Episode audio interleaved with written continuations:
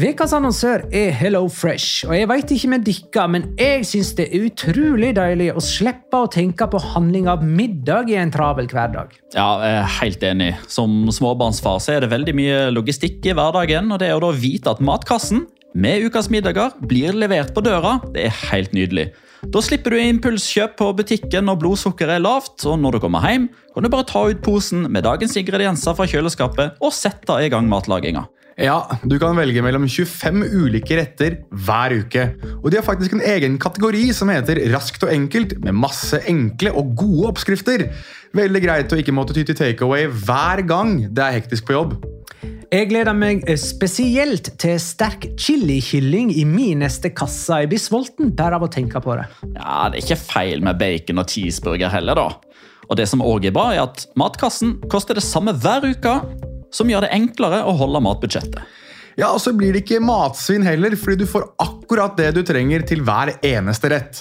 Hello Fresh kan absolutt anbefales, og bruker du koden vår, LIGALOCA, kan du få opptil 1779 kroner i rabatt på de fem første matkastene hvis du ikke har prøvd Hello Fresh tidligere. Du kan også prøve koden hvis du har avslutta abonnementet ditt for tolv måneder siden eller mer. Gå inn på hellofresh.no og bruk koden LIGALOCA. Bon appétit! Hallo? Jeg kommer fra Oslo politikammer. Ine Jansen er purk. Er du purk? The motherfucking bitch. Alt jeg vil, er å finne ut hva som skjedde med mannen min. Jon Carew. Er jeg sikta for noe? Iben Akeli. Det er du. Ole So, Lars Berrum og Big Daddy Karsten. Hvem sin side er du på, egentlig? Anette Hoff, Tone Danielsen, Kommer du fra Afrika? Jørnis Josef, Nesten. Kløfta. Trond Espen Seim. Det er synd å si det, men det var feil mann som døde. Purk. Premiere tirsdag på TV2 Play.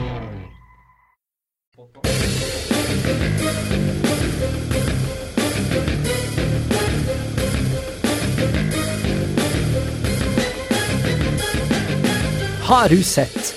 Popquiz hotshot. Hvem starta denne serierunden på 14.-plass med flere tap enn seire, og med bare åtte mål på elleve kamper? Hint? De spiller i grønt og hvitt. De slo serielederen i helga. De skåra fire mål på kamp nå. De slo Barca i en bortekamp for første gang siden 1990-tallet.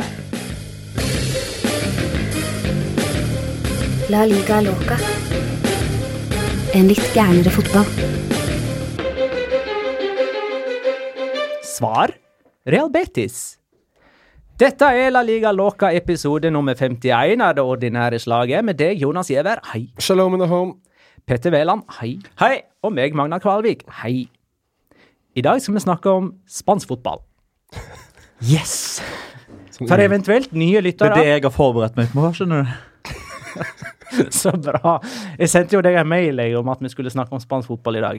Så, Ja, men Du sender så mange tullemailer, så jeg tar aldri de mailene som kommer seriøst. Hva er du sitter i kledd i dag, Jonas? Du, det er en uh, Sevilla treningsdrakt som jeg har fått uh, utlevert av kanskje Tony Polster? Tony Polster-drakt. jeg, jeg trodde det var i drakt. Nei, det er visst en treningsdrakt. Jeg fikk eh, en beklagelse av eh, Erik uh, Hammersmark, som var en av de vi var eh, var med i, i Madrid. Erik er jo kanskje den jeg kjenner som er fra Norge, som er mest svoren uh, Sevilla-fan. Og han mente at vi måtte ha noen Sevilla-effekter i, uh, i studio også uh, i en av episodene. Nå har vi gått gjennom både Valencia, uh, Real Madrid, Barcelona. Nå er det Sevilla sin tur. Etter å ha vært på nå to turer sammen med Erik Hammersmark, Jonas, tror du eller tror du ikke at han er i slekt med Edel Hammersmark Jervan? De som vet, de vet. Dere skal bare levne det der? Tror det. Tror det er helt greit. Greit, det. I dag skal vi snakke om, uh, i tillegg til spansk fotball sånn generelt, uh, at Barcelona uh, gikk på et nytt tap, mens andre topplag svarer ganske så positivt. Noe som gjør at det er bare ett poeng mellom de topp ja, de øverste fire lagene i La Liga. Øy, elleve lag skåra to eller mer denne serierunden her. Elias eh, Larsen spør eh, når var forrige gang så mange lag skåra to mål eller mer i en serierunde? Har du svaret på det, eller Petter? Altså, Jeg kan si at det er 15. serierunde i 13-14-sesongen, eh, men ingen kommer til å arrestere meg eller bekrefte eller avkrefte. Akkurat det var jo såpass konkret at man faktisk kan gå inn og sjekke det. Ja. Nei, jeg vet ikke. Den er grei. Skal vi bønne i Vigo, eller? Tror vi gjør det. Skal vi se Celta Vigo Real Madrid 2-4. Ehm, jeg går rett på et lytterspørsmål der. Tobias P. Hva har Solari gjort annerledes enn Lopetegi for å få Real Madrid til å vinne kamper igjen? Og grunnen til at han spør om det, er at eh, etter at han tok over, Santi Solari, så har de vunnet fire kamper, skåra 15 mål og sluppet inn bare to. Har vi en forklaring på hvordan det plutselig har snudd?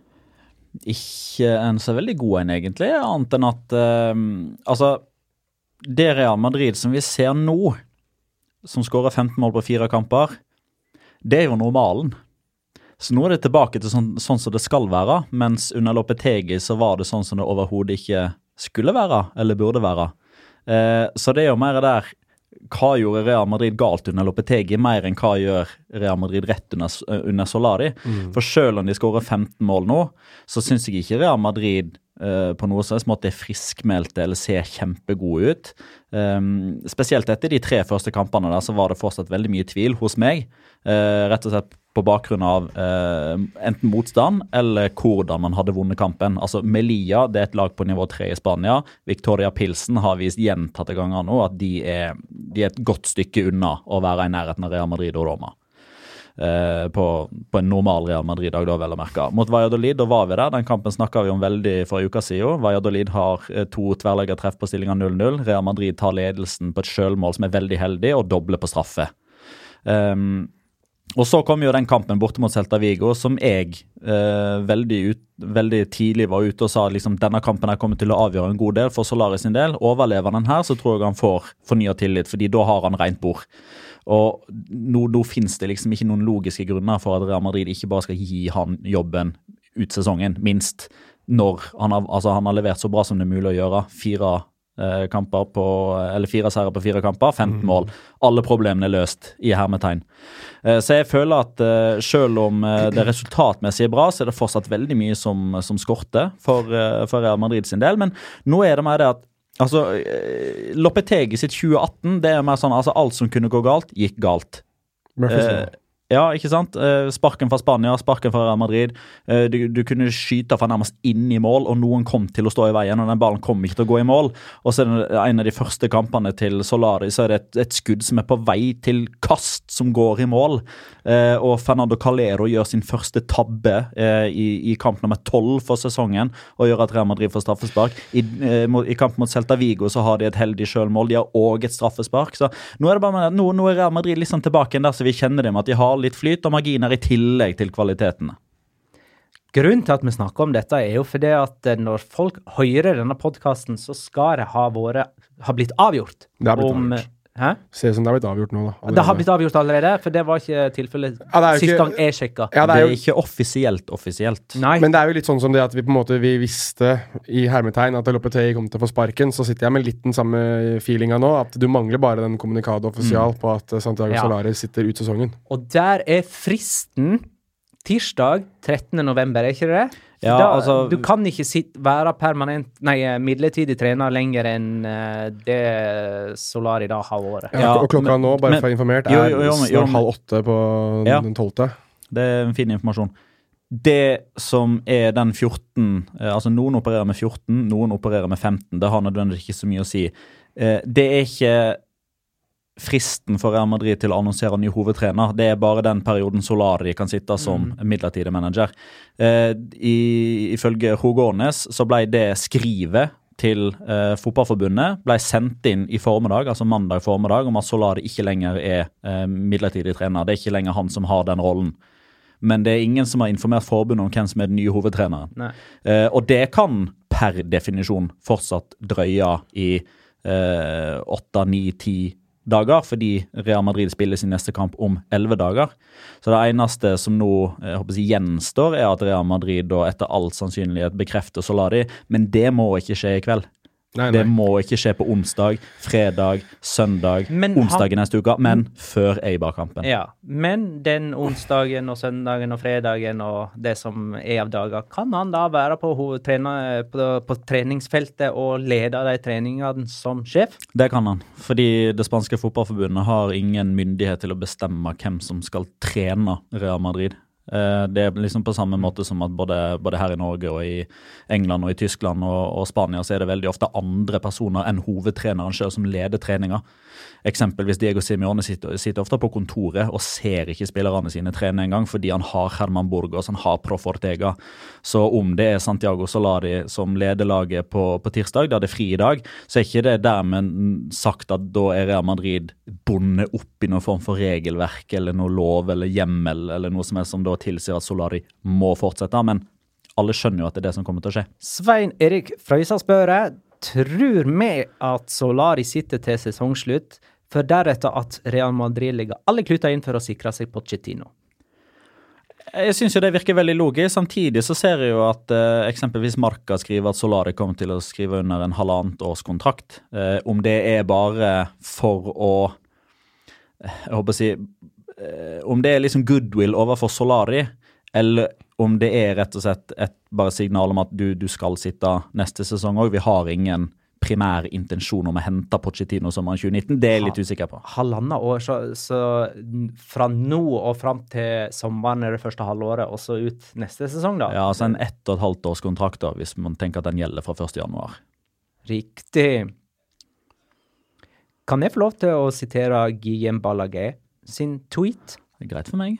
Uh, som mener at Solari har gjort alt, uh, eller har gjort masse for å, uh, å fortjene eh, denne rolla permanent.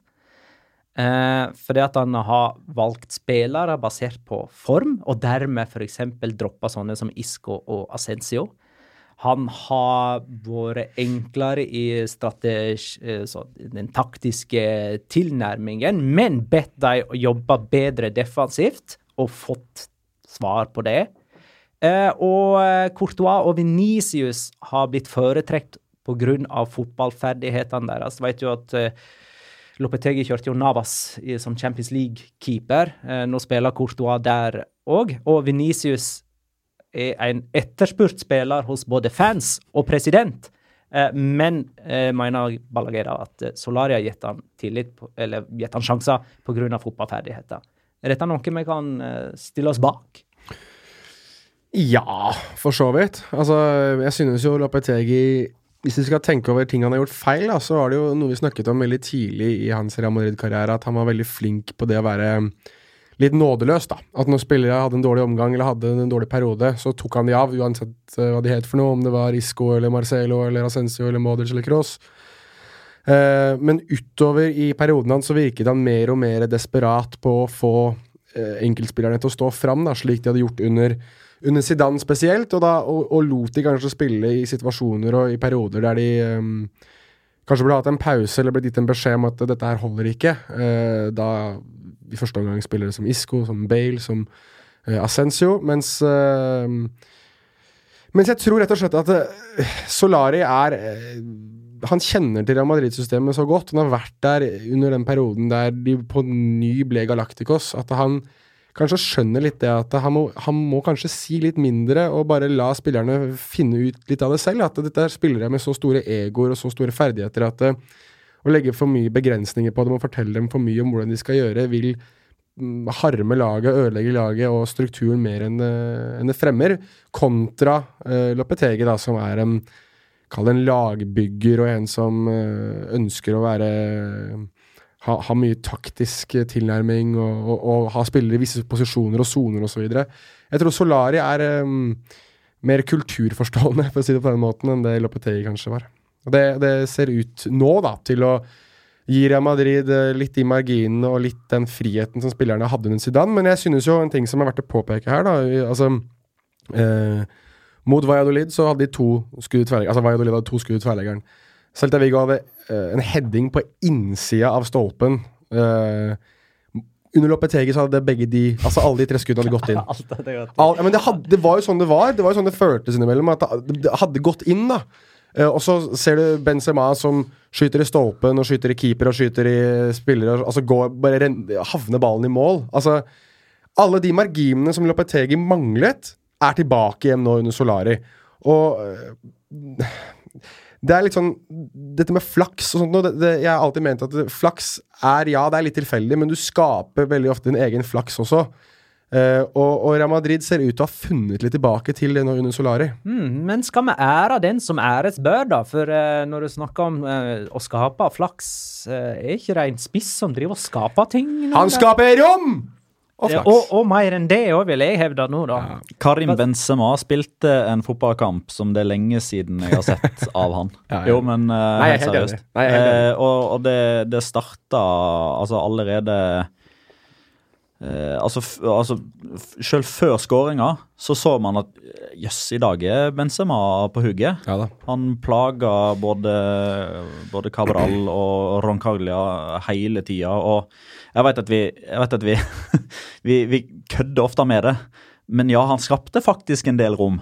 Som, som Jo, jo, men Ja da, ja altså, det, har jo bare, det har jo blitt greia vår. Men, men det, det gjør han jo, faktisk. Han skaper faktisk Vi rom. kan ikke si 'skape rom' med alvor i blikket lenger. Men nå, Nei, nei nå, nå må det liksom poengteres at det, dette er faktisk Det, sant. det går an. Det, ja, det går faktisk Men la oss snakke om touchen hans da på førsteskåringa istedenfor. Ja, ja, det er jo helt fantastisk, det det, nedtaket. eh, Ja, altså, men det, det er noe med Jeg husker etter den Valladolid-kampen som vi snakka om. Da gikk han ganske krast ut i media og sa det at folk som forstår fotball, forstår at jeg er god. sånn type. Jeg er der for å hjelpe lagkameratene mine. Men kan ikke han bare hjelpe seg sjøl, sånn som det der? Eller gjør sånn som mot Victoria Pilsen og dribler. Virker som at det gikk en to faen igjen, med skuddfint og greier. Ja, ja. Hjelp deg sjøl, mann! Han ble litt sinna når han eh, hørte disse tingene her. Ja, når han så det at dere satt og tok bilder av han uh, skapa rom på Santiago Det var dråpen. Da bestemte Benzema Da- seg for å være god. Så vi tar litt av æra for eh, denne vendingen, så får vi se om det holder, da. Altså, det, det trenger å være stabilt. Ja. Vi husker jo hva som skjedde forrige gang vi hylla han. Mhm. Vi skal være forsiktige. Flust av skader for øvrig i eh, Real Madrid om dagen. Skal vi Det, var tre mann som gikk ut med skader her, var ikke det det? Ja. Mm. Casemiro gikk ut. Eh, det var en sånn, eh, en sånn type skade som er uheldig. Vanskelig å gardere seg mot støtskade. Eh, altså han, Maxi Gomez først inn, takler vekk ball, og med andre foten så, så får da Casemiro seg en lei vridning i, i ankelen, han er ute i ca. tre uker. Han har meldt forfall til Brasil nå. Ja. Rafinha Eh, så mest sannsynlig da bare to eller ja, maks to, kanskje tre kamper han mister for Real Madrid. Så sånn sett ingen krise. Eh, Regilon gikk ut rett før pause. eh, og da trodde man jo at det var Gareth Bale som skulle ut, for da hadde jo han gått rundt og hinka i fire-fem minutter etter å blitt takla av, eh, av Ugo Mayo. Eh, positivt overraska over at Gareth Bale spilte i 90 minutter, at han ikke kasta en håndkle. For det pleier han å gjøre. Ja da, ja Hvis han får litt vondt, så går han ut. Eh, Men han har antageligvis fått beskjed av Solari at nå har vi allerede gjort eh, to bytter, og vår fysiske forfatning er grusom, så spill videre så lenge du kan. Eh, og så kommer jo den skaden til, til Nacho, der han får en vridning i, i kneet. Eh, igjen et litt sånn uhell, vanskelig å gardere seg mot. Og han er ute i minst to måneder. Eh, og I tillegg så har jo nå Marcelo vært ute en periode. Varanna har vært ute en periode. Uh, Carvajal har vært ute enda lenger. Ingen av de er tilbake igjen ennå. Så således så kommer jo disse landskampene på et, eh, på et bra tidspunkt. da. Det er hellet i uhellet for Real Madrid at neste kamp er ikke før om tolv dager. og da da er nok i hvert fall Regulon tilbake. Marcelo skal kunne være klar. Varan skal være klar. Og så får vi se om, om godeste Carvajal er klar igjen til da. Plutselig så er Real Madrid bare fire poeng bak Barcelona. Eh, Solari er første siden Pellegrini, som vinner sine første fire offisielle kamper som Real Madrid-trener. Manuel Pellegrini, vet du. Husker du han, eller? Ja, Det var han som ble kasta på båten der, fordi Mourinho plutselig ble ledig. Kanskje Solari da er den som bare blir kasta på båten fordi Pochettino blir tilgjengelig? Pellegrini fikk vel aldri vite at han fikk sparket, han fikk bare lese i avisen at Mourinho var ansatt. Ja. Eller noe sånn i den duren. Ja, han sa Han formulerte seg på den måten, ja. Ingeniør. Ingeniøren. Ja. Gratulerer også til Ceballos med en fantastisk skåring. Det var ganske moro. Den var fin. Og gratulerer til Brais Mendes med skåring i tre på rad. Og A-landslagsuttak. Det er et par interessante Kan jeg si ta deg på, men det er et par interessante navn på denne landslagslista. Og så må vi ikke glemme skåringa til Ogo Mayo. Den Som- er fin, ja, altså. jo. Litt sånn Cristiano Ronaldosk. Ronaldo light. Mm. Mm. Finalen mot Juventus. Litt sånn lindelig på den. Skal jeg huske helt feil. Første skåringa hans der. Jeg tenkte mer Jeg tenkte den på, den mot den United, nå for uh, ja, fem ja. dager siden. Alle, alle ja. sånne mål har blitt Ronaldo-mål nå. Ja. Det er flere som har skåra sånn i, i helga. Jeg husker ikke hvem i farten. Ja, det var én til. Det var en til. Ja, det var en Lurer på om det var i Premier League. Eller var det i La Liga, det òg? Ai, Nei, ai, det var ikke i La Liga. Ja, da var det sikkert i Premier League. Mm. Det er ikke så viktig. Er ikke så viktig. Flere har skåra Ronaldo-mål. Ja. Det får du høre om i en annen podkast. Barcelona, Real Betis 2-0. Oppskriftsmessig seier til Barcelona. Nei, vent! Barcelona, Real Betis Barcelona, Real Betis 3-4. Snap, crack og pop, baby. Barcelona var formsvake før Messi eh, ble skada. De var gode uten Messi, og så taper de når Messi er tilbake. Vi ser et mønster her, gjør vi ikke det? Det der er et mønster. Ja. Dette var første gang igjen, noen gang, at Barcelona taper en kamp der Messi skåra to mål. Uh, jeg måtte kikke seg igjen til for det. Og så sa jeg vel i introen at det var første seier for eh, Real Betis siden 1990-tallet. Mm. 98. 1998. Mm. Spilte det Nilsson? Nei, han, dette var før VM eh, 98. Spilte, spilte Joaquin? Mest sannsynlig. Ikke langt unna, faktisk. Nei, det er ikke så langt unna, tror jeg. Uh, jo, det er eh, Real Betis det første bortelag som skåra fire mål på kamp nå, siden Deportivo gjorde det i 2003. Fire sesongen. Ja, 2003. Skåra Walter Pandiani? Mest sannsynlig. Jo, men altså, jeg, jeg, jeg la seg en plass at Valverde var forberedt på at Barcelona ikke kom til å styre denne kampen her. Uh, jeg veit ikke uh, Nå har jeg ikke kilden på det. Ja, jeg leste, noe, leste det samme som deg. Ja, du gjorde det? At uh, Valverde var uh, At han hadde uttrykt før kampen at han ikke var sikker på at det var Barcelona som kom til å styre den kampen, fordi Betis spiller den stilen de gjør. Og Det er jo en eh, Jeg vil jo nesten kalle det en slags fallitterklæring til eget lag eller til, egen, til egne evner, når du nesten Hvis du før kamp allerede har innrømmet at du på hjemmebane, som serieleder og regjerende seriemester, har innstilt deg på at du ikke kommer til å styre kampen, da er det et eller annet som skorter, syns jeg. Men Real Betis er et lag som driver og tar store skalper. Hva er, skal vi prøve å forstå Real Betis litt? Grann? Hvorfor klarer ikke de å spille sånn som på kamp nå, mot ja, Hjemme på- Benito Via Marin mot Levante. Husker ikke at de tapte 3-0 i serieåpningen hjemme mot Levante? Jeg tror det handler litt om at lag som Levante, de er Jeg tror at Levante i mye større grad enn f.eks. Uh, at La oss ta Barcelona som, som uh, motstander her, da. At de uh, Levante skjønner at vi, vi, må, vi kan ikke utfordre dem, vi kan ikke stå høyt, vi kan ikke presse, for da blir vi utspilt disse spillene for kjapt gjennom laget. De, de bruker bredden i langt større grad enn enn det vi er kapable til. Så vi må legge oss bakpå og heller uh, kjøre kontra med, med det vi har framover i banen. José Luis Morales, eksempel, som er uh, eh, kanskje den beste kontringsspilleren som ikke spiller i toppklubbene.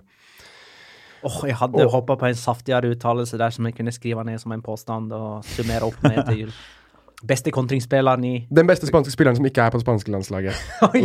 Men uh, ja, jeg måtte komme på et eller annet der. Det er sikkert noen jeg har glemt. Jeg skal spare deg for Spar, ja, spar meg for den her. Uansett så tror jeg det at de skjønner i langt større grad at vi er mer begrensa, mens Barcelona kan ikke gjøre Altså, du kan ikke legge deg bakpå på, som hjemmelag på kamp nå. Det bare funker ikke. Altså, det, er ikke det er ikke i DNA-et til Barcelona på noen slags måte å gjøre. Altså, Se på de største Betis-skalpene som de har tatt under sett Ja, her igjen. kommer da. det. Altså, Men- De har slått Barcelona på Camp Nou. Sevilla. De har slått Sevilla med 5-3 på Ramón Sánchez Pizjuan. De har slått Real Madrid på Santiago Bernabeu. De har Ja. slått AC Milan på San Siro. Hva Ja. er fellestrekkene for de fire? Alle er storklubber. Nettopp. De er ikke sånne, eh, sånne klubber som legger seg bakpå og venter på Betis. Nettopp. Men det er, men det er, Det er nettopp det. Ja, Ja. så Ja. det er Levante. Levante legger seg bakpå og venter på Betis. Og da, van da, da, får- da får man vanskeligere for å bryte igjennom. ja. Eh, man går kanskje litt lei. Man har ennå ikke hatt den spillestilen så lenge at man klarer å gå 80, 85, 87, 89, 90 minutter uten at man får en form for selvtillitsknekk, eller at man eh, går ut av ramma fordi man tror at dette kommer ikke til å funke, vi må finne på noe nytt. Og forskjellen, og forskjellen litt av Noen vil kanskje si at ja, men Barcelona får det til. Og For å prøve å sammenligne litt, dette litt grann, altså, Det er en ganske klar forskjell på Lionel Messi og Riyad Bodebos til å gjøre ting eh, på egen hånd og bare finne på noe og score et mål når man trenger det.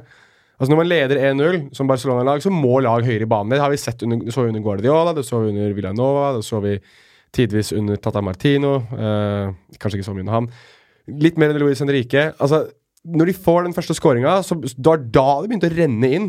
Det var da det begynte å komme 3-4-5-0, for da åpnet laget seg opp, på lik linje som med Betis. da. Hvis Betis fikk, får 1-0, så åpner laget seg opp, og Betis spiller de ut. Men, men de har ikke den derre øh, boksåpneren, da. De har ikke den, altså den kvaliteten som Iniesta, Messi osv. hadde under storhetstiden og nå også de senere årene for, for Barcelona. Hadde de hatt en sånn spiller som Men kan de begynner å få en nå, syns jeg. De begynner å få en nå. For det er en spiller Ja. den siste måneden som har tatt pusten av meg. og Det er Giovanni Lo Celso. Ja, ja, ja. ja men ja, åpenbart. Men, jeg, men, jeg, men skal, du, skal du hylle Lo Celso, så må du hylle William Carvalho ved siden av han, som legger premissene for at han kan gjøre det han gjør. På Camp Nou, ja. Så Ja, ja, ja. definitivt. Ja, ja, ja, definitivt. Jeg syns William Carvalho er ganske undervurdert, egentlig. Han har vært litt Når han blir, når, når du, når han blir utfordret én mot én, når han blir utfordret på tempo, da sliter han ordentlig. Men når han får lov til å boltre seg litt sånn som han gjorde på Camp Nou, får lov til å bryte sammen, egentlig bare gi ballen til Ocelso, gi ballen til Andres Guardado, bare, bare gjøre det enkelt, og egentlig bare bryte rundt overalt, bryte opp for motstanderen, så er han helt uvurderlig. Men eh, nei, jeg er helt enig med deg. Lo Celso er eh, eh, Kom ikke til sin rett helt til PSG, men han var eh, en åpenbaring i argentinsk fotball, og fikk, fikk det ikke til å stemme fordi han skulle spille mye mye dy. Han skulle spille en sekserrolle for eh, Argentina under San Paoli. Det gikk jo ikke spesielt bra, men, men nå, sånn som han har prestert de siste par kampene, så kan han fort, eh, han kan fort ende opp med å bli, eh, bli helt ekstrem. Noen som veit hva den kjøpsopsjonen ligger på? Da er det 30 eller noe sånt. 30-35. Millioner euro. Ja. Mm. Det er penger Betis ikke har, da. Jo, det har de. Har de det? Ja da. De kjøpte jo William Carvalho for 28 nå. Ja, så nå er, nå er det penger de ikke har lenger. Jo, jo, det har de. Jo, jo. På grunn av den nye TV, kollektive TV-avtalen. De er så populære i Spania, Magnar, at de håver inn. De de er nummer fem Så, på TV-tabellavtalen. Så 30-35 millioner euro for Lo Celso, det kan egentlig være Det, det framstår som en god deal, det. Mm. Jeg, det. jeg, leste at, jeg leste at de er Betis nå har klatret opp å være den klubben som er blitt Altså Når du sjekker TV-tallene nå i Spania, så er de det, det laget som har blitt sett tredje mest. Altså til og med foran mm. Ja, ikke Atletico sant? Madrid. Ja, da har de økt ytterligere, da. Er ikke det våre venner The Spanish Football Podcast som Eller er det Sid Lowe sjøl som har den der hashtaggen 'Always watch Betis'? Det var Betis'? Sid som begynte med den, og så har The Spanish Football Podcast stjålet den. ja, Han er for øvrig en av to. han har stjålet den fra seg selv. Så. Han gir fra seg 50 av rettighetene til den. Ja. Hei, Barcelona! Hvor mange mål på dette tidspunktet hadde de sluppet inn forrige sesong? Etter tolv serierunder Ja. Ja, det var ikke mange. Fire? Yes! Hvor mange har de sluppet inn nå? 18. 18. Um, Hvor mange prosent økning er det? ja, det å. Hvor mange kamper har Omtiti spilt? Ja, du er inne på noe. Det er jo 450% Det høres riktig ut. det. Uh, oh, Shit. Det, prosenttrekning, nå, nå blir vi sikkert arrestert. eh, for det. Eh, men altså, Lasse. Hei, Lasse. Eh, kan, kan ikke du også si det? Hei, Lasse! Hei. Skriver Barca med dårligste poengfangst etter tolv kamper siden i hvert fall 09-10-sesongen, men topper likevel. Han vil at vi skal ta en diskusjon om uh, La Liga-nivået, da. Uh, jeg vet ikke om vi skal gjøre det, men det er, uh, han legger ved et bilde fra Jeg tror det er Mondo Deportivo. Kan det stemme? Er det no Det er litt vanskelig for meg å vite uten å se bildet. jo, men det er en av de to spanske Nei, katalanske. Ja da. Ja, det stemmer. Ja. Eh, der det er lista da, over hvor mange poeng Barcelona har hatt etter tolv runder fra og med 09-10-sesongen og til nå. Mm. Og eh, de har aldri hatt så få poeng som nå. Eh, og de har aldri sluppet inn så mange som 18, Mm. eh, som, som de har gjort eh, nå, da. Eh, og de har skåra 34 nå, og det er et helt vanlig antall mål etter tolv eh, runder. Så det er, det, den store forskjellen er baklengs. Ja. Skal vi prøve å sette litt fingeren på det? Og kan jeg få begynne? Ja. Jeg syns at Barcelona i større grad nå eh, og har flere forsvarsspillere som er lettere å avdrible. Altså, De er svakere én mot én. Én mot én. Altså at eh, der hadde Puyol, eh, Dani Alves, Jordi Alba kanskje da på venstre, eller Abidal, og Piquet i sin beste slag i mitt forsvar sammen med Piol. Det var ingen av de der som gikk an å drible seg forbi. Nå ser vi Sergi Roberto bli avdribla av eh, Junior junior. Eh, Langlais syns de oftere blir avdribla. Piquet sjøl blir det? det er, rett, er det rett og slett én mot én-situasjoner, eller er det dette kollektivet som det er så De hadde i hvert fall helt klart uh, Betis hadde i hvert fall gjort det helt klart at de skulle isolere Sergi Roberto og Junior Firpo mest mulig, for det skjedde flere ganger i kampen. At det, var, det virket på meg som at uh, Kikki Setien hadde skjønt at det der har de en potensiell svakhet, men jeg tror det du jeg, jeg synes at Barcelona kollektivt i forsvaret ser svake ut. Altså ser, Det ser ikke ut som det er så veldig mye samhandling defensivt. Um, hva det kommer av eksakt, jeg, jeg, vet ikke om det kan være for at de endrer så mye, og spillere går inn og ut av laget. og uh, Det er litt hipp som happ sammen som spiller om dagen, syns jeg. For, med, med, unntak av Piquet og, og, Alba, så endrer det seg veldig på den andre sida. Er det Semedo, er det Sergio Roberto, er det Longley, er det Omtiti?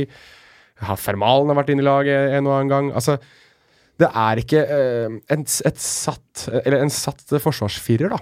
Uh, og For første gang i denne sesongen også så vi at Ter Stegen hadde en kjempeblemme òg. Så det er um, Det er nok der forbedringspotensialet er, er størst for, for, Barcelona sin del. Og så synes jeg det at det, det har blitt veldig, veldig klart nå at det, det forsvaret der er omtitis. Det er ikke Piquets lenger. Mm. Ja, og Han har jo vært ute med skade en stund nå. Han fikk eh, omsider eh, grønt lys fra det medisinske apparatet til å være med i troppen, men han fikk jo aldri mm, komme inn. Eh, så det vil jo være kjærkompent for, eh, for, Barcelona at han er disponibel igjen mot Atletico Madrid om to uker. Er han tatt ut i den franske A-lagstroppen, vet du det? Det har jeg ikke oversikt over akkurat nå. Kan det kan du sjekke mens jeg eh, slakter Barcelona sine returløp på 0-2. For det er jo kanskje det som blitt trukket fram i størst grad av de som følger Barcelona, som nå er veldig kritiske til, til forsvarsspillet sånn på kollektivt grunnlag. Eh, og som forsøker å, å, se på det, liksom, det bakenforliggende. Eh, ja, Mark-André Stegen driter seg ut på 1-3, men det er en grunn til at eh, Real Betis i det hele tatt kommer til den eh, avslutninga. Det, det, er en grunn til at eh, Altså 0-2-skåringa syns jeg er, liksom, det, det, er et skrekkeksempel på hvordan Barcelona sin midtbane forsvar eh, eller hvordan Barcelona sin midtbane framstår defensivt. For der er det altså Det er venstre stopper, Sydney. Altså BT Beti spiller med trebackslinja. Fem når de, når de forsvarer seg. Og det er venstre stopper, Sydney, som fører ballen fram. Venstre stopper, Sydney, som fører ballen fram. Betis er seks mot fire. Det er en forsvarsfirer mot én spiss, to offensive midtbanespillere, to wingbacker og venstre stopper. Venstre stopper spiller ballen til venstre wingback, som slår inn. Ballen går forbi alt og alle. Høyre wingback plukker opp ballen, og Joaquin skårer. Mm. Og fra Sydney bryter, eller uh, får ballen, og blir med Frang i angrep, til han spiller ballen til junior, til junior ikke klarer å treffe en lagkamerat, til Theo plukker opp ballen på motsatt kant, til Joaquin får ballen og, og skårer ballen i mål. I løpet av hele den tidsperioden der så jogger Arthur, så jogger Rakitic, og så jogger Busquets tilbake igjen. Hvis en av de tre der hadde spurta, og spurta inn i riktig rom, eh, vel å merke, så hadde ikke Joaquin skåra mål. For han hadde ikke fått ballen. Nei, for det hadde vært over, eller utligna det overtallet Betis hadde inni boksen der, ja. Hvor mange var det? Fem mot fire, eller noe i den boksen? Seks mot fire. Seks? Mm. Ja, det, det, kan hende at Sydney ikke fullfører at det er fem mot fire uh, akkurat når de skårer. Men... Jeg tror det er fem mot fire. Ja, de, de sto jo i kø der, og det var jo åpent spill. Uh, Johan Iversen spør hva er viktigst for en, et spansk topplag. Bekka som er best offensive, eller bekka som er best defensive? Han tenker meg sånn konkret på Sergi Roberto versus, versus Nelson Semedo. Før, uh, før, vi svarer, så informerer jeg, slik at ikke lytteren klikker helt nå. Uh, Omtiti er ikke i den franske troppen. Så er det sagt. Mm. Uh, Walter Panjani skåra for øvrig ikke i 2-4-kampen, så slipper de å klikke på det òg. Roy Mackay skåra to. Han gjorde det! Jeg skulle akkurat spørre Skåra Roy Mackay? Oh, Roy Mackay. Både Manuel Pablo og Juan Carlos Valeron hadde mål i vann. Å, herregud! Nå er jeg down memory lane foran TV-en skal ha tatt 17, altså. Champions League. Du vet at du kommer til å få besøk av noen nå? Vær så god, kom på besøk. Bare koselig. Men vi kan la det være et retorisk spørsmål? Og kanskje svare en annen ja. gang? Nei, altså, ja. Du kan la det være et retorisk spørsmål. Men, jeg, det, mm. men jeg, vi kan også legge til det at det, det kommer an på motstander. Litt, det kommer an på motstander. Veldig ofte. Det kan være. Ja. Mm. Um, skal vi ta uh, litt om, om det som Magnus uh, Hva som står der? Bakløkken? Kan det være Garung? Nei, det er ikke Garung. Eh, det han eh, vil ha, eh, vite litt om, er situasjonen til Osman Dembélé, som ikke møtte opp på trening. Og hvorfor gjorde ikke han det? Og han var ikke med i eh, kamptroppen. Nei. AS, eller AS, gjorde jo et poeng over at han var for seint tilbake til plassen sin til andre omgang. Det var allerede gått tre minutter av andre omgang før han var tilbake på plassen sin ved sida av Coutinho og de andre som ikke var i troppen. Han Så seint han er sånn skikkelig useriøs, visstnok. Får han fyken i januar? Er, er han ferdig? Hvis du sier opp kontrakten hans, hadde det vært ganske sinnssykt. Det hadde vært sinnssykt om han hadde fått fyken. Du har sparken. Da står det jo Eh, OK, det står 'fyker han i januar'. Altså, man kan forstå det som Ja reiser. Ja, Ja da, ja da. Ja da. Uh, nei, altså, problemene med Dembélé er jo litt uh, jeg var Mon Deportivo jeg leste det her i, at han eh, Han oppfattes som en karakter som ikke tar fotball spesielt seriøst. Han tar ikke livet som fotballspiller seriøst nok for det å spille i en klubb som Barcelona. Han er glad i å spise usunt, han er ute seint på natta, han, er ikke, han får ikke nok timers søvn. Uh, Det er sånne ting som du burde gjøre som, som dedikert fotballspiller, som han tydeligvis ikke gjør, og så har han kommet for sent Uh, på Og ikke gitt beskjed. Ikke det var vel det de var typ, altså, Hvis du ikke møter opp på trening, så er det selvfølgelig da blir Barcelona forbanna, men når du heller ikke gir beskjed Ja, for han, han hadde ikke kommet Han kom vel to timer for seint, og da hadde Barcelona prøvd i 90 minutter å ringe han og oppsøke han. Hva er det du egentlig driver med? Hvor er du hen? Og så hadde han kommet lunten inn på treningsfeltet to timer etter at de, han egentlig skulle vært der. og hadde visstnok fått, uh, fått eh, passet sitt påskrevet av trener litt sånn, hvis jeg leste helt feil. Uh, jeg husker ikke om det var Mondo eller Sport jeg leste det i. I hvert fall at han ikke hadde, altså, som, sagt, som Petter sier, han, han, han har ikke gitt beskjed, og som Han rett og slett virker ikke seriøst, da. Og um, Barcelona er jo mest en klubb, mer enn en klubb, så der, så der skal du jo være dedikert og 24-timers utøver, og det skal du vel egentlig i alle store klubber, men, men eh, jeg tror Barcelona, som har gjort det til et prestisjeprosjekt og bruker så mye penger på han som de gjorde etter å ha solgt Neymar, jeg tror de er ganske mm, jeg tror de er ganske fortvila, egentlig. jeg. For jeg, jeg tror at de hadde forestilt seg at dette her skulle gå mye mye bedre enn det det, enn det, det har gjort. Altså, det er jo så åpenbart at han har et talent der som er helt ekstremt. Altså, hvis du sammenligner han og Kylian Mbappé, for eksempel, da. Det er ingenting som, som tilsier at Dembélé ikke skal kunne gjøre akkurat det samme som det Mbappé gjør nå. Jeg tror at hvis du setter de litt ved siden av hverandre og spør 100 fotballkjennere om hvem de vil ha Dembélé og Mbappé, så er jeg ganske sikker på at 95 av dem hadde valgt Mbappé akkurat nå. Minst, om ikke flere. Og det er egentlig ingenting annet enn det at Mbappé ser ut til å ha et større fokus på det at han har lyst til å bli unnskyld uttrykket, jævlig god. Og han er allerede jævlig god. Mens jeg tror at Dembélé er litt mer sånn Jeg er god, men jeg, jeg, trenger jeg å bli så veldig mye bedre? Betyr det så mye? Tjener bra med penger og spiller i Barcelona og har hatt en rakettkarriere med opphold i tysk fotball, og nå spiller jeg for kanskje verdens største Eller en av verdens største klubber, Han virker bare litt mer lackadaisical, for å bruke et dårlig engelsk begrep. Syns han virker utilpass i Barcelona. Men det er andre klubben han er utilpass i.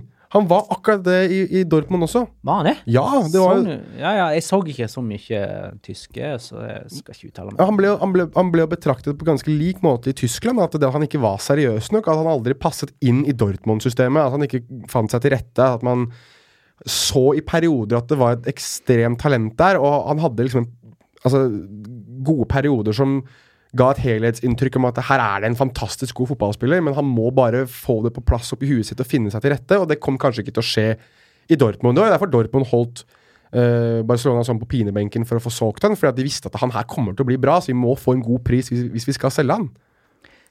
Kan, kan jeg for øvrig bare skyte inn en uh, ting? Uh, for når du sa eh, AS, eller AS, Mhm. da kommer jeg til å tenke på noe som jeg ble gjort oppmerksom på for noen år tilbake. fordi det, altså Navnet på den avisa der, det er veldig mange som òg sier AS, som tror at kanskje det er en forkortelse. Men det er det ikke. Det er AS, det spanske ordet for S i kortstokken. Nemlig. AS. Eh, og jeg sa lenge AS. Jeg har ikke klart å avvenne meg det helt. Samme her. Eh, helt kort til slutt nå. Morten Kleivane. Kikkesett igjen trener Barcelona innenfor. Ja. Ja. Hvorfor år, da? 2019-2020. Fra og med Ja. neste sesong. Ja, Valverde får ikke fortsette etter denne sesongen. Oi, oi, og da tar Barcelona hintet fra Sergio Busquets! Ok, Det der med Sergio Busquets uh, Kikke setter igjen ba om den trøya før kamp. Fra, eh, han, Vi kunne se det. Han Eh, samler, ja, han samler I, trøyer. I spillertunnelen kunne se at de hadde en hyggelig passiar før kamp. eh, Der sitter en ba om å få trøya til Busquets. Og uh, Busquets ga en hyggelig tekst. Skrev en hyggelig tekst på den trøya som nå er sikkert er ramma inn og henger på veggen. Han samla. Helt riktig. Ja, vi har inngått et samarbeid med Strive, og i den anledning så vil jeg bare minne om at uh, du får uh, abonnement til 79 kroner måneden. Det er bra. Og 499 i året, enda bedre, for å se La Liga og Serie A. Og på Strive denne helga så jeg eksempel Atletico Madrid, Atletic Klubb 3-2. Ah, det var en eh, herlig kamp. Og eh, enda en bekreftelse på at Atletico ikke er helt det Atletico vi kjenner, men nå vinner de nå, i alle fall. Ja, med nød og neppe. Der lå under to ganger. Inyaki Williams skåra to mål. Eh, jeg la seg en plass at han er den første bortespilleren som skåra to mål på Wanda Metropolitano. Det stemmer. Og han er òg den første i historien som skårer 14 strake mål i La Liga, som alle er på bortebane. Han har skåra Ja, 14 stemmer mål det. siden desember 2016, for da skårte han på hjemmebane mot Eibar. Etter det så har han ikke skåra på hjemmebane. Han har skåra 14 mål i La Liga, alle på bortebane. Er han den raskeste spilleren i La Liga? Ja, Luis Advincola skal jo være raskere, okay. men eh, ja, jeg, har fortsatt ikke sett han i full spurt, jeg, for det, det er. Nei, men uh, den banen er jo ikke så stor, da. For, da På dør jo i veggen der. På stillingen 2-1 så tok altså Beritzo ut Inyaki Williams, den raskeste på banen i alle fall, for å liksom eh, forsvare inn denne ledelsen. Eh, på et tidspunkt der man, man ikke får større bakrom. Kan jeg, bare skyte, kan jeg bare skyte inn at han som kom i den treigeste i La Liga? Raúl Garcia.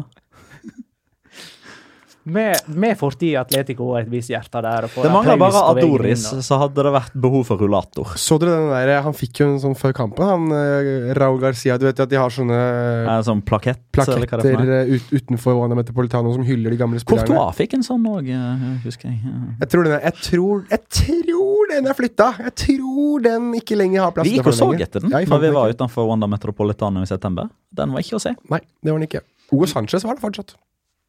Fotre. Pe pene mål eh, ble skåra, eller iallfall ett pent. Eh, Thomas? Ja, Thomas Partey. Eh, det er knallhardt. Det er veldig hardt. Det, det var egentlig ikke et kjempebra plassert skudd, men det var ufattelig hardt. Nei, du må, må gi Jeg, jeg syns Rodry sin er finere. Men jeg syns den er finere fordi han hopper over fire mann. da Hopper jo over halve Baskaland. Altså Halve Baskaland ligger jo strødd rundt Altså, ja, ja Party sin er, er en bedre sånn enkeltmannsprestasjon. da. Eye-catching. Ja, typ. Men jeg synes, jeg synes det er kult å se reprisen av den Rodry-skåringa, hvor du ser at det er, det er faktisk fire Atletic-spillere som går opp i duell sammen. Fire stykk, altså! Man, man slår de alle sammen og stanger ballen i mål. Men fortsatt noen punkt som er interessante her vedrørende Atletico Madrid. Diego Costa ble bytta ut til pause. Dårlig eller skada, veit ikke. Fremdeles er det dårlig Dette vet sikkert du, Petter, du skal få lov til å svare. Men eh, et annet punkt er at det er fremdeles dårlig med mållevering av spisser. Det var fortsatt ingen spisser som skåra, bortsett fra Godin, som da var spiss på slutten for at han ikke kunne gå. Og så er det dette med at de slipper inn mål eh, bakover. Hva var det med Diego Costa? Vet du det? Var det bare Nei, så det, han, han, ehm, I og med at han ikke var tatt ut i den spanske landslagstroppen i utgangspunktet, så har det jo ikke kommet noen sånn skademelding, forfallsmelding, men det er fordi Atletico Madrid pleier å vente en dag mer enn alle andre med å ta tester. Eh, så i og med at han eh, gikk ut på, på lørdag, så, så skal han egentlig ikke testes hvis det er behov for testing før tirsdag. Men eh, ja. Simione er Diego Costas største forkjemper, så jeg, jeg tror ikke han hadde tatt ut Diego Costa etter 45 eh, om han ikke var skada. For det ja, ny målløs kamp, men han var, ikke, han var ikke så dårlig. Det var ikke sånn at han hadde strøm i skoen og ikke gikk i dueller og ikke, med, ikke bidro med noe som helst. Og det er, liksom, det, det er Kalinic som kom inn, det er ikke Grismann. Kan vi, eh, kan vi si noe om Kalinic? Er det, jeg, jeg, bare må spørre mens vi Når jeg, jeg har han live, Han gjorde ingenting eh, mot Leganes, syns jeg. Han planta albuen så det sang etter i hodet til Ruben Perez når vi var der. Men hva, men hva er vitsen med Nikola Kalinic? Altså, er det noe Er det noe Hva er det egentlig? Er det, kan noen gi meg en forklaring på det nå snart? Jeg sitter og venter på at det skal skje et eller annet. Det er greit nok at han var, han var god i Fiorentina. Uh, han var dårlig i Milan. Han var dårlig i Var det Blackburn han var en gang i tiden i Premier League? Han har vært dårlig i Atletico Madrid. Han ble kasta ut av den kroatiske landslagstroppen. Hva er greia der? Hva er Nei, men da må du nesten gå tilbake og svare Han der Hva kan hete han som eh, bare er kjent for å ha sparka til en, eh, et hinder på en eh, trening for Atletico Madrid. Alessio Cerci? Ja, Cerci. Ja, det er, det er altså- Cerci all over again. det. Ja. eh, spisshistorien, altså sånn oh. backup-spisshistorien til Atletico Den Madrid og. Diego Simione, den, er, den går ganske langt, ennå. Ja, men kan Vi begynne Vi snakker så mye Eller ikke vi, da, men folk snakker så mye om at Atletico Madrid er så gode til å finne gode spisser, og det er de jo. Men nå begynner det å bli ganske mange sånne der rumpis ræva spisser også, altså, som er helt elendige. Nicola Kalinic, Alessio Cerci, Jackson Martinez. Hva er det her?! Men, men Jackson Martinez var jo et meget bra kjøp når det skjedde. Det virket som et godt kjøp. Da, da det jo, men han, han var jo fantastisk i Porto. Jo da. Kalinic Jo. var jo ikke fantastisk Ja, i Milan. typ. Det var jo bare, De fulgte bare Falcao-tråden. Ja. eh, Ja, ja. Da de ja, ja, han. ja. ja, i hvert fall. Jeg bare Jeg skjønner ikke dette her Kalinic Jeg venter på at det skal skje noe, men hver gang jeg venter altså, Han ser treig ut, lat ut, ser helt øh, Nei, jeg, jeg skjønner ikke. Alexander Larsen skriver flere ganger har vi sett uh, Atletico Madrid spille bedre og kunne stå høyt med Lucas og Jimenez som midtstoppere. Er Diego Godin en svakhet dersom Atletico skal være mer offensive og underholde pga. tempoproblemet som, som Godin har? Godt poeng. Ehm, I den kampen her, altså for å ta den kampen her konkret, og når du møter Inyaki Williams, så hadde det vært gull å ha Lucas og Jimenez. Ja. Eh, Problemet var at begge var skada. og det, jo, men det, det er faktisk noe vi må ta opp når det gjelder Atletico Madrid. For Vi snakker om alle skadeproblemene til Real Madrid, men Atletico Madrid har jo òg slitt med det, spesielt stopperne. Og både Lucas og Jimenez og Kåke og Diego Costa har alle vært ute og klagd på gressteppet på Wanda Metropolitano. Og, de, og liksom når man så oversiktsbildene fra Wanda Metropolitano når sendingene starta, og underveis når de brukte dette spycam, eh, eller skycam-greiene Altså, det er, det er for, forferdelig gressteppe til å være en klubb eh, med en stadion som er, som er to og et halvt år gammelt. Det er helt grusomt dårlig gressteppe, det er dårlig feste, og det er hardt. og Det ser ikke bra ut. Eh, og nå ble det jo ny skade på Diego Godin, som, eh, som røyk hamstringen så inn i helvete i en løpsduell med eh, nettopp Injaki Williams. Ja, Det var da han skåra, var ikke det? Det var da han skåra. Og det var i det 64. minuttet han spilte resten av kampen. Han gjorde det. Det er utrolig. Men, eh, men, det, men det er et godt poeng med, med, med tempoproblemene til Diego Godin. Fordi vi har eh, med rette vært veldig, veldig positive til Diego Godin. Eh, han har vært i mange år en av verdens desidert beste forsvarsspillere. Jeg mener at han fortsatt er det, men at han har sett sine aller beste dager. Og den, den peaken, den har vært, og pila kommer bare til å peke nedover. Men jeg tror han er såpass tilpasningsdyktig, så klok at han fortsatt kommer til å være en, en solid ressurs for Atletico Madrid ut denne sesongen, og kanskje òg neste. Men og heldigvis da for Atletico Madrid så har de jo de beste erstatterne på plass allerede i Lucas og Jimenez. Jeg være djevelens advokat, og så er jeg, jeg er god på det, men, men jeg, hvis Atletico Madrid hadde styrt kampene i langt større grad, hvis de hadde hatt mer ball possession, eh, rett og slett valgt å ha kontrollen i langt større grad enn det de har eh, vanligvis, hadde ikke man kunne klart å maskere, maskere litt det at eh, Godin er temposvak?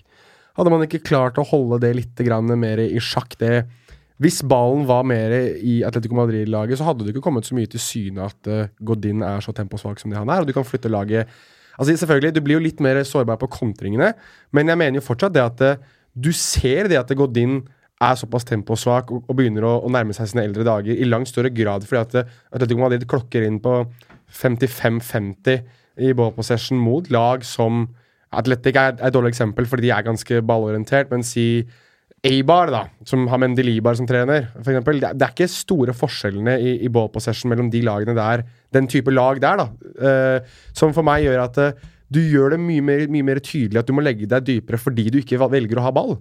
Og da kommer det mer til syne. Jeg under VM da satt du, du og jeg, Petter, satt og så Uruguay mot, mot uh, Egypt, og vi så Altså Det var jo God- Godeckenbauer som gikk opp og ned i banen og hadde ballen. Og, men det var fordi at eh, Uruguay de siste årene har blitt mer ballorienterte. Før så var de kanskje det beste kontringslaget på, på landslagssiden. Nå har de mye, mye mer ball. Da ser du ikke det at Godin egentlig er ganske begrensa. Det ser du i Atletico Madrid. Det er forskjellen, føler jeg. Atletico Madrid sin neste motstander, vet ikke det er. Mm, jeg sa det i stad. Du har sagt det allerede. Er det i Barcelona? Nei, Barcelona. Det er kvart på ni eh, lørdag 24. november. Vi skal snakke mer om det neste mandag med. Det skal vi. Det kan vi gjøre. Det kan vi gjøre. Jeg vil bare nevne at eh, Atletic har elleve strake seriekamper uten seier. Deres verste rekka eh, Det er tangering av deres verste rekke fra eh, 2005. Og resten av året nå møter de Getafe, Levante, Uesca, Girona, Alaves og Valladolid. No, no, Det må blir ikke 17. det, Nei. Det kan du Eh, notere, nå- Magnar. nå må uh, seirene etter hvert eh, komme. Det var andre topplag i aksjon denne helga. Oh yeah! Både Sevilla og Español er faktisk topplag, og de møttes. 2-1 til Sevilla etter at Español tok ledelsen ved Borja Iglesias. Mar Mercado utligna for Sevilla. Han bør nå bli en målskårer nå, av en eller annen merkelig grunn, eh, mens Ben Yende bare er det. Kan jeg, kan jeg skyte inn noe litt gøy? Jeg tror Petter noterte seg det her også. Eh, Mm, mm, mm. Det er min locora. er det det? Mm. Ok, men da skal jeg ikke si det. Glem det. Videre. Men Ben Jedder, kan vi eh, Verdens nydeligste tuniser.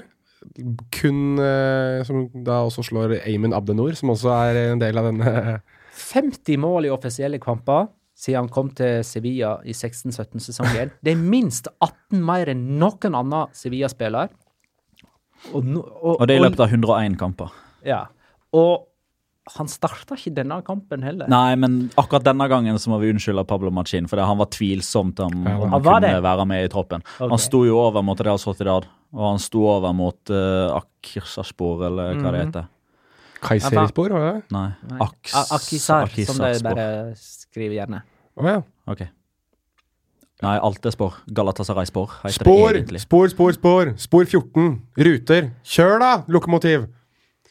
Yes. Uh, men eh, kan vi kan, kan, kan jeg skyte inn at det er, det er et eller annet med Ben Yedder som får meg til å tenke på Sergio Aguero? Litt sånn i framtoningen uh, i avslutningsøyeblikkene. Altså, jeg sier ikke at de er på samme nivå, men jeg satt og tenkte på det nå mot Español, så er det sånn yes, kanskje fordi jeg nettopp hadde sett Aguero, da, men, men det var litt sånn Jøss, det er noe litt sånn Aguero-ish over uh, hvordan Ben Yedder eh, altså, bekler den rollen han har, da. Jeg synes Men altså Hvis du ser utenfor Real Madrid og Barcelona, så er det Altså, han er så god, altså. Han er så ekstremt bra at eh, hadde ikke Frankrike bare hatt så ekstremt mye å velge mellom på spissplass, så måtte jo han ha vært I I hvert fall inne i troppen. Altså, hvis, hvis han hadde vært spansk, så hadde han jo starta alt som Ja. var av landskamper. Tenk hvis han var norsk, da. Oi, oi, oi. Herregud. hadde det er en nordmann i La Liga. Tenk på det! ja! King Jedder. King Jedder på topp. Ja. Ben King. Åh, den, er fet. Se Sevilla møter jo disse her eh, Vissan Ben King. De fortsetter å møte disse her kvasitopplagene framover. De hadde jo Español nå, og så har de Valladolid Ja, men altså Español er ikke i toppen for å bli. Det kan, eh, det kan ikke Nei, nå, skje. nå starter nedturen. Det Dette ender med nedrykk. Sånn som vi spådde. Ja, ja. Ja. Stemmer det. Nå, er, nå vinner ikke en kamp resten av eh, Niks. et, Ikke et poeng. Nå er det over. Og så er jo Valladolid neste, øh, og så er det Alaves deretter. Altså, det er bare sånne Også Sevilla. Der. Nei, Valencia, sorry. Eh, Ja, Det er jo òg et igjen. sånn kvasitopplag. Ja, det er sånn som liksom skal være topplag, men som ikke er det likevel. Så nei, det går bra for Ender på Sevilla. andreplass, det nå. Et, eh, apropos kvasitopplag, da. Alaves eh, Uesca 2-1. Ja. Moi Gomez uh, skåra først, da, for Uesca. Du husker han, eh, han, han som spilte i Villarreal? Ja, selvfølgelig husker jeg han. Eh, og så snudde Alaves. tider. Ingen lag har tatt så mange poeng hjemme etter å ha ligget under som Alaves. En eh, spesiell evne til å snu kamper. Og så får vi eh, en påminnelse om hvor bra de har gjort eh, det under Abelardo av eh, Alexander Larsen igjen. Alaves har nå under Abelardo vunnet 20 kamper, spilt 4 uavgjort og tapt 13, som betyr, betyr totalt 64 poeng i løpet av 37 kamper. Det er nesten en full sesong, altså. Dette ville ha gitt en femteplass forrige sesong. Det er så sjukt, det.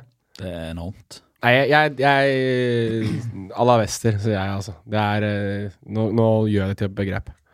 Det er, eh, det er så imponerende, det de holder på med. Og litt, Hus, husker du hvordan uh, Jeg vet ikke. Uh, eller husker ikke, men husker du hvordan Leicester lå an etter tolv runder i Premier League? Nei, den denne kan- sesongen de vant? Det kan man jo fort finne ut av. Jo, jo, jeg, jeg, jeg er i ferd med å finne det ut. Jeg, Ja. bare lurer på om du husker det. Etter tolv runder Nei, jeg husker ikke. Jeg husker at på det tidspunktet så var de, var, var de litt sånn overraskelse. Jeg lurer på om de lå sånn på fem, fjerde-femteplass. ikke det rundt da at han Ranieri lovte dem pizza hvis de klarte å holde nullen og sånt, da? Jo da, og at det var noe annet de skulle få også, hvis de hadde Hvis de Et eller annet de skulle få. Hva, var et eller annet sånn frustreringsgreie for at de slapp frustreringsgreie Jo, hvis de Jo, hvis de vant, så fikk de øl på bussen. Så det var det. Etter tolv serierunder så var de nummer tre, ett poeng bak City og Arsenal. Ja, ikke sant? Alaves er nå ett poeng bak Barcelona. Ja, Alavester. Ja. Ve- det, er, det er begrepet nå, altså. Men jeg, det var- litt gøy, for jeg satt, satt på jobben med han som driver videodesken i Nettavisen, og han eh, skulle tippe, og liksom så gjennom alle, alle kampene sånn, altså, ja, Nei, jeg vet ikke, jeg er ikke noe god på det med Spania. jeg. Så jeg nei, men hvis du eh, var ikke helt sikker på hvor Alaves spilte en runde, så jeg hvor spiller Alaves? Nei, det er hjemme. Så jeg ja, men da tipper du på dem. Ja, vi møter eh, ja, Huesca eh, Sa han det sånn, eller? Nei, det. Han sa ikke det. Han sa, han sa vel Huesca eller eh, Huesca eller Ja, hva det, det er Huesca. Og da sa jeg ja, men da tipper du Hva hva er oddsen? sa jeg. Nei, 1,85, sa han. Ja, julegave. Sett alt du har på det. Så satt han og beit negler og sa ja, hvis ikke, hvis ikke de har scora før 90, uansett, så scorer de på overtid. Så du kan bare slappe av. Og da hadde de jo allerede Gikk det vel en ti minutter, og så sto det 2-1. Da hadde det stått 1-1 en periode. Så det er liksom Nå har det er til og med kommet på det punktet jeg bare sier til alle som spør om tippetips. Tipp Alaves, for de vinner hver gang. Så å si. I hvert fall på hjemmebane. Mot Wesca. 2-1. Sivera. God i mål. Øvrige kamper. Getafe Valencia 0-1. Fire strake kamper uten uavgjort for eh, Valencia, som for første gang denne sesongen vinner to strake. Og bykser helt opp på 15. plass med den bragden. der. Ja, ja, ja. I Champions League så er vel eh, toget godt, eller? Altså, de må De er tre poeng bak syvendeplassen. da. I Champions League så må de antagelig slå Juventus borte Ja, ja, men det for å ha spenning i siste kamp hjemme mot uh, United. Smågutter som Manchester United klarer jo det, så da gjør jo Alaves uh, det Nei, Alaves ja, gjør Valencia den bragden, de òg. Johannes Alin eh, lurer på om eh, denne ukas Locora er feiringen til Parejo, som skåra på straffe mot gamle lagkamerater. Han feira ett og samme mål med fem ulike målgester. Først uh, eh, hysjtegnet. Og han hysja òg, ja. Ja, Ja. og ja. så Jeg la merke til den greia med å peke på navnet på ryggen. Ja. framfor uh, Valencia-supporterne med ryggen mot deg, og så pekte han på navnet sitt. Og så hadde han den der holda seg til øra og liksom Hæ, hva var det de, eh, de sa for noe? type? José Og Mourinho-feiringa. så kyssa han eh, håndleddet sitt. Hvor mange er oppi nå? Fire. Shit, hva var den siste der, da? Det var hysj, det var øra, Kan det det var det? navn, håndledd.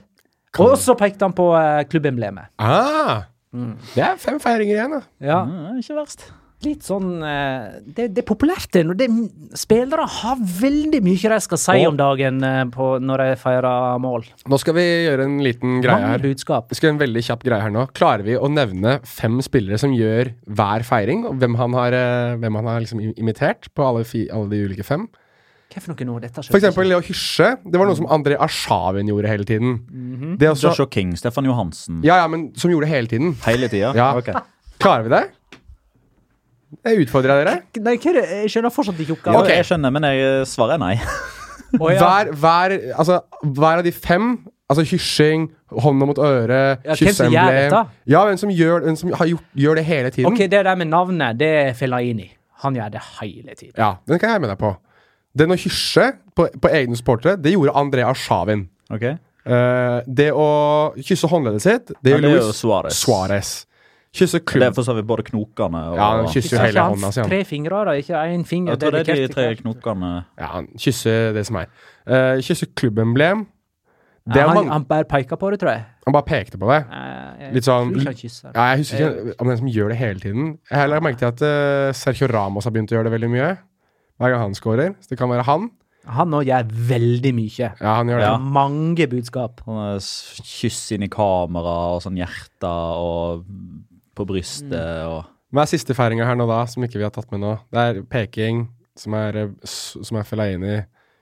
Emblem, som vi sier er eh, Ramos. hysjing. Hysjing. Hysjing og Det ja, mangler vi. Nei, det der er øregreia. Øregreia. Ja, det får bli Mourinho sin, da. Eh, ja, nei, Mauri Cardi. Ja, Icardi gjør det. Icardi gjør det. Og Ok. Rikelme gjorde det. Så, så gøy, da. Ja, traff vi. Mm. Rayo Villarreal 1-1. To, to. Ble det 2-2, ble det. Dalum. Nok uh, Hæ? Totto Dalum. Totto Dalum. Nok et uh, sterkt uavgjort resultat av uh, Real mot en uh, nedrykkskonkurrent. Nok et viktig resultat for uh, Calleja til å uh, beholde jobben. Igla. Han, han er ei igle. Han suger seg fast og slipper ikke taket. Håkon spør kommer Via Real på siste, nest siste eller tredje siste plass i år. Nest siste. Huesca er for dårlig til at de blir tatt igjen. Har Petter har gitt opp. Ja, nei, det Ja, Så lenge Kajeka sitter nå, så gir jeg opp. Men var det ikke Marka som skrev det nå, at han, at han faktisk er freda? At uh... As. Var det As som skrev det? Ja. Fullstendig freda. Dette var for Villarreal kan forstå at en del av supporterne kan øh, tenke i de baner at det er uforståelig at Javier Calleja øh, fortsatt kan få tillit, men han er un apuesta del club. Altså, han er en mann som blir satsa på av klubben Ja, ja. fordi han er en av deres egne med en klar uh, filosofi, og de vil gi han tid. Masse tid! Dette var eh, Rayo og Villarreal, altså. To av fem lag som enda ikke har vunnet på heimebane. Og det har heller ikke Real Sociedad, men de vant igjen borte mot Levante. 1-3 eh, fredagskvelden. Adnan Janusai var god. De har egentlig, La Real, ganske fine offensive spillere med Janusai, som, som kan være skikkelig god eh, når han vil. Og Yarzabal. Eh, Juanmi, William José. Mhm. Får ikke det ut alltid, og det er ikke alltid de spiller sammen heller. Men det, var, det der var en sterk snuoperasjon. Men, Jan, eh, Janusai har vært ute en stund, har han ikke det? Janusai har vært ute en stund. Ja, Janusai eh, det- spilte vel eh, knapt før han spilte mot Real nei, mot Sevilla forrige helg. Ja, det er jo han mange har eh, på en måte påpekt at de har mangla. At de har mangla en litt sånn annen kreativ kraft ute på den andre sida. At det blir veldig mye på Jarzabal, og at det egentlig er ganske sånn tamt å se på Garitano sitt, sitt lag. Og det er det jo, men Janusai er jo en kreativ kraft i seg selv, så det er jo Men, fint å få han inn igjen. Apropos hysjing. Theo Hernandez. Ja, han kjørte den, han òg, ja. Stemmer Det var ingen som hadde bua på han. Det var ingen som hadde bua på han! Og så hysja han når han skåra. Viktig. det? Det er viktig å Altså, han er et tilfelle. Han er smørbukk, ass. Han er så seig og jævlig at det er grusomt. Nei, men det var ikke ment som Det, er- men det, var, det er ment det at han er Jeg synes han er skikkelig sånn Han er en seig type. Sånn i den dårlige Og jeg er ikke noe glad i smørbukk.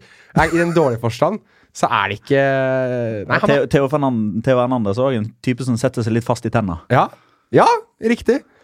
Han bleka håret sitt på lik linje som en smørbukk òg, så det går, går litt i etter der. Smørbukken til Hernandez. Valladolid Eibar 0-0. Daniel Verde kom inn, skjøt masse og avgjorde nesten. Så det, altså, de skuddene altså, er så bra. Han er så bra, han. Mm, Eller nesten med ryggen Så bra er han jo ikke, for da hadde han jo ikke vært på lån i Valladolid, men han er artig. Ja, Han det- får ting til å skje. Det skjer noe med en gang han kommer inn. Kan jeg fortelle en uh, veldig kjapp historie her, da? Uh, vi hadde jo uh, før sesongen gikk i gang, så satt jo Eller det var underveis, vel. Så satt husker jeg, jeg og Petter satt i bilen til Petter og, og snakket litt om Martin Ødegaard, og om hvorvidt han skulle til Valladolid, for det var jo rykta. Og idet vi satt og scrolla litt gjennom oss for å se om det var noen nyheter, så poppet det inn på telefonen min eller Petter at Daniele Daniel Verde var klar for uh, Valladolid. Og da husker jeg Petter sa Daniel Verde, vet du hvem det er?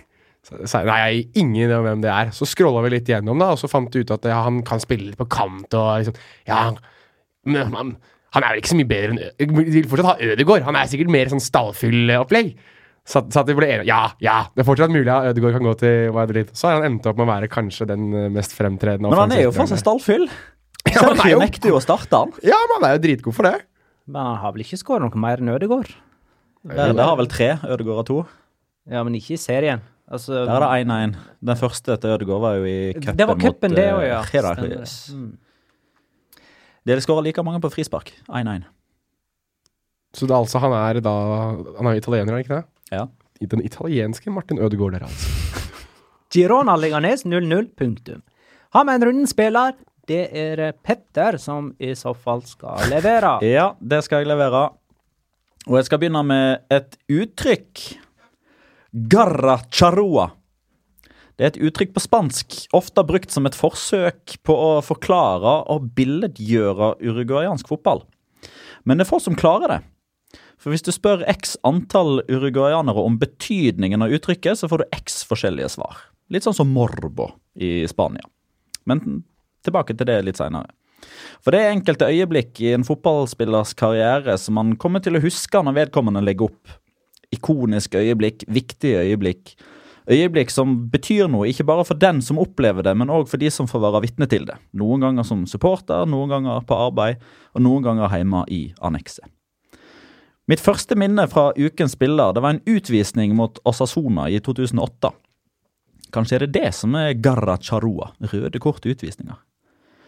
Første, de første positive minnene er datert tilbake til våren 2010, da to viktige skåringer mot Rathing Santander og Atletico Madrid gjorde at Villarreal til slutt eh, klamra seg til en plass i Europa League, som neste sesong endte med semifinale mot Porto. Men da var ikke vår mann lenger i Villarreal. Han hadde skifta beite. Blitt en av La Ligas dyreste fotballspillere, si. Men særlig til takknemlighet, det viste han ikke gamleklubben da han returnerte til El Madrigal i mai 2012. Villarreal rykka ned. Vår venn jubla som besatt i spillertunnelen. Og Villarreals visepresident José Manuel Janesa kalte han for en skamløs drukkenbolt. Kanskje det er det som er Garra Charrua. Hans største øyeblikk i karrieren kom en søndagskveld i mai 2014. Rolig Russland framover fra midtstreken og fant sin plass inne i Barcelona sin 16-meter. Kåke tok et steg mot ballen. Vår venn steig til værs. Atletico Madrid steig til himmels. Og steike ta. Målet sikra Atletico seriegull 2014. Kanskje det er det som er Garra Charrua? Eller er Garra Charrua det som skjedde nå på lørdag? Da Atletico Madrid hadde slitt gjennom 90 minutter mot et uvanlig friskt Atletic. Lucas Hernandez var skada. José Maria Jiménez var skada.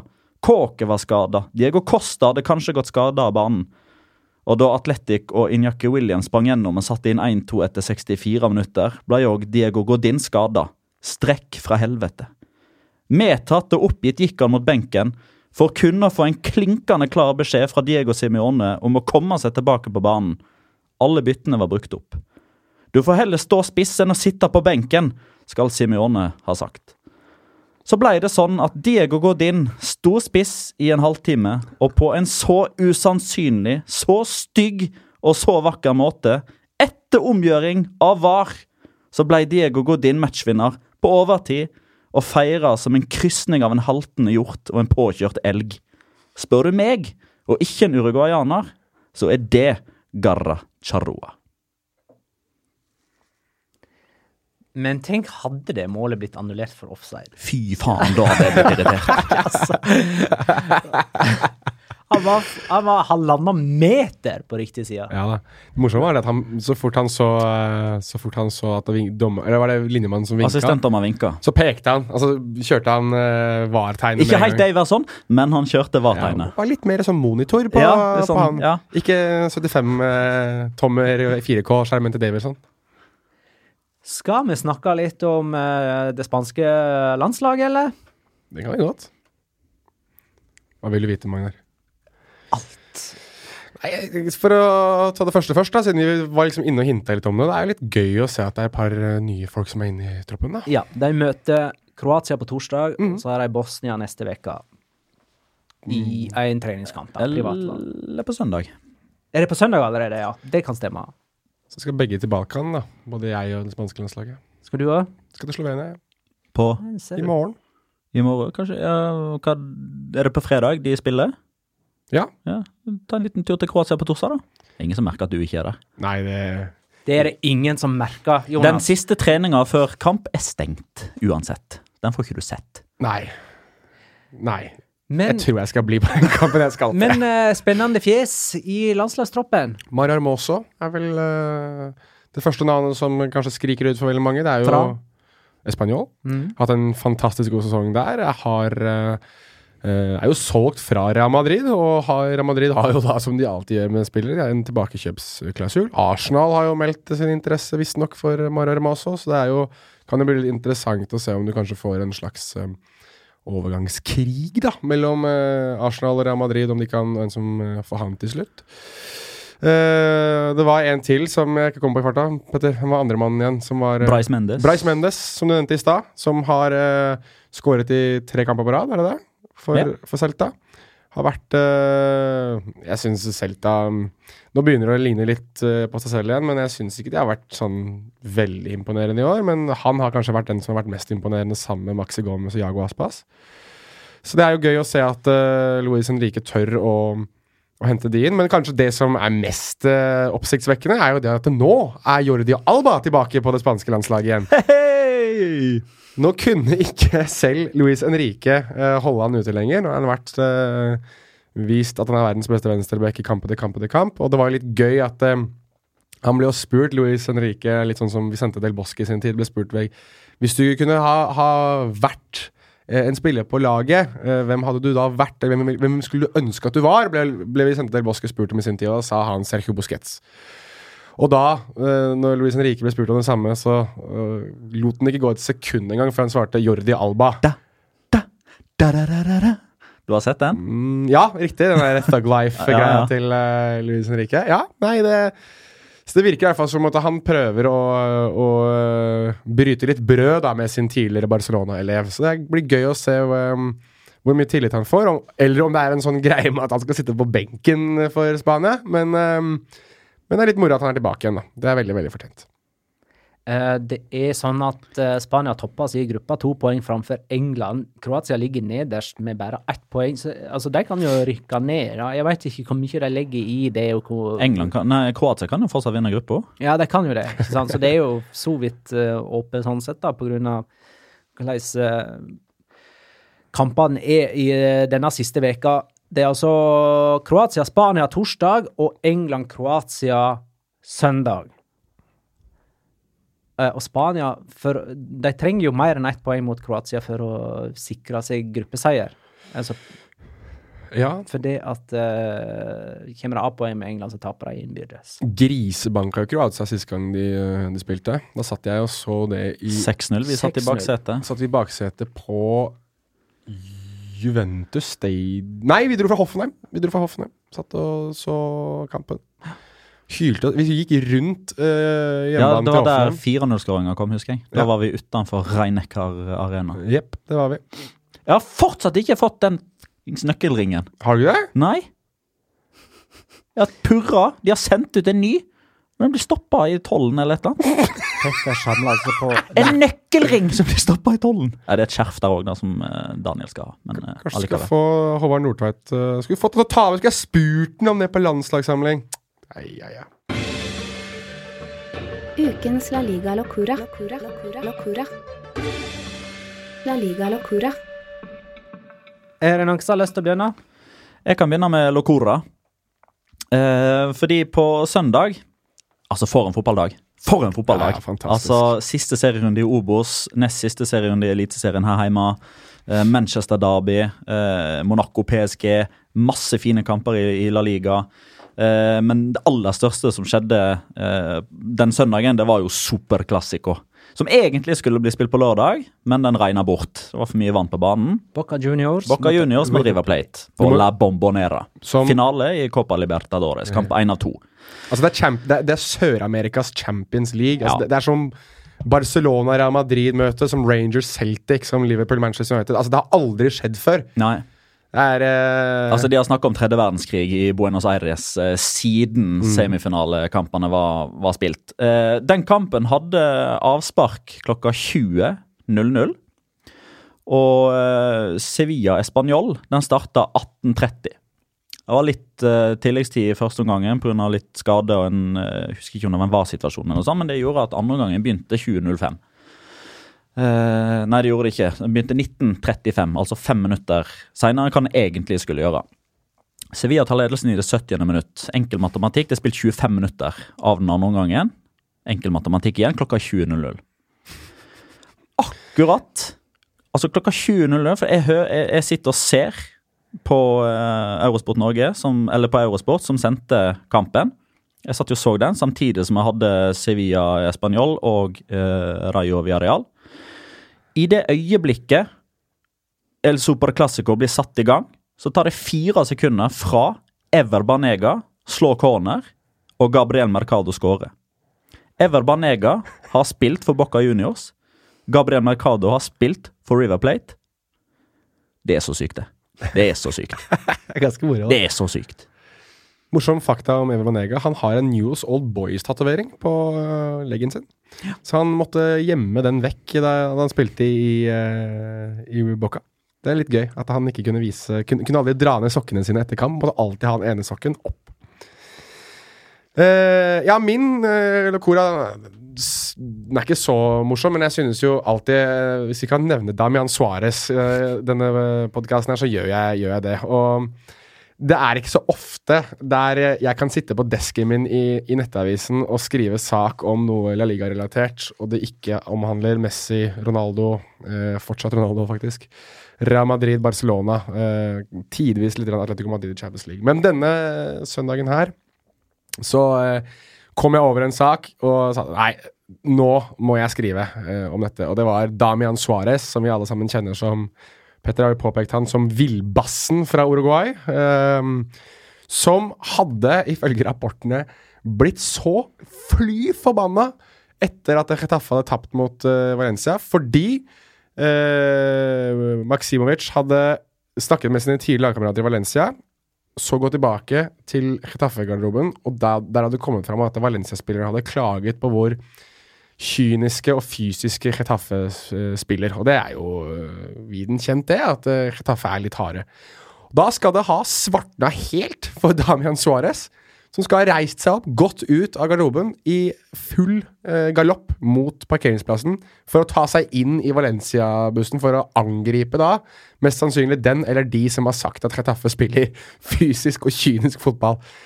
Da møtte han Robin Ruben Oria, eh, som er eh, assistenttreneren til, eh, til, Valencia. De to skal ha stått og krangla litt, så skal flere ha kommet og krangla med Damien Suárez som til slutt da ble geleidet tilbake inn eh, i sin egen garderobe. Så jeg vil bare påpeke det at Damian Suárez blir veldig forbanna hvis du påpeker at Damian Suárez og Chetaffe spiller som Damian Suárez og Chetaffe. Hvor er Damian, Damian Suárez fra?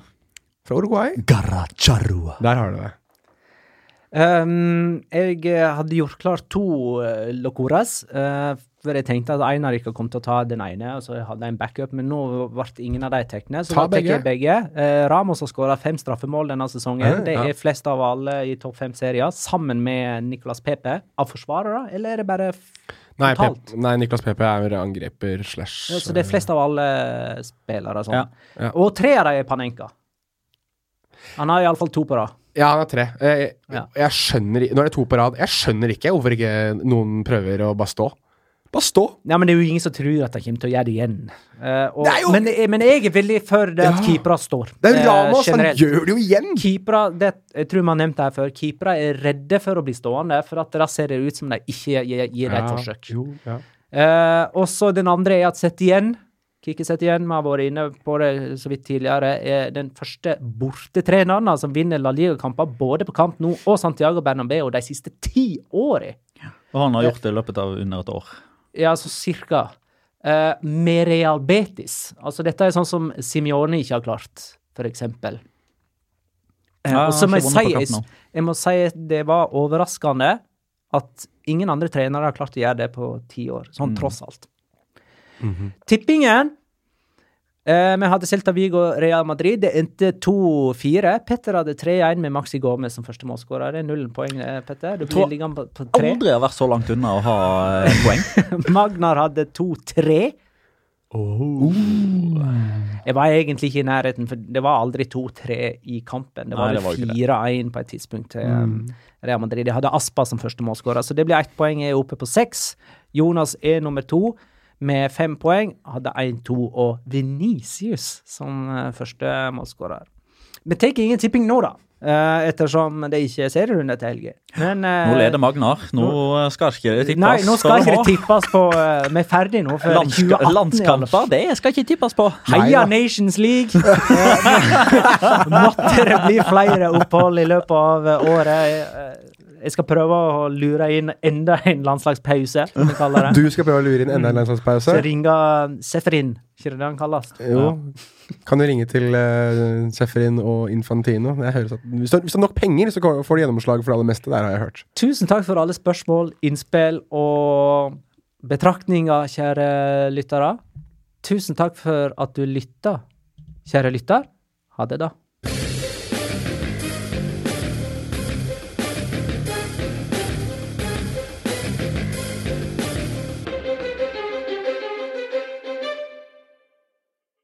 Har du et enkeltpersonforetak eller en liten bedrift? Da er du sikkert lei av å høre meg snakke om hvor enkelt det er med kvitteringer og bilag i fiken, så vi eh, gir oss her, vi. Fordi vi liker enkelt. Fiken superenkelt regnskap.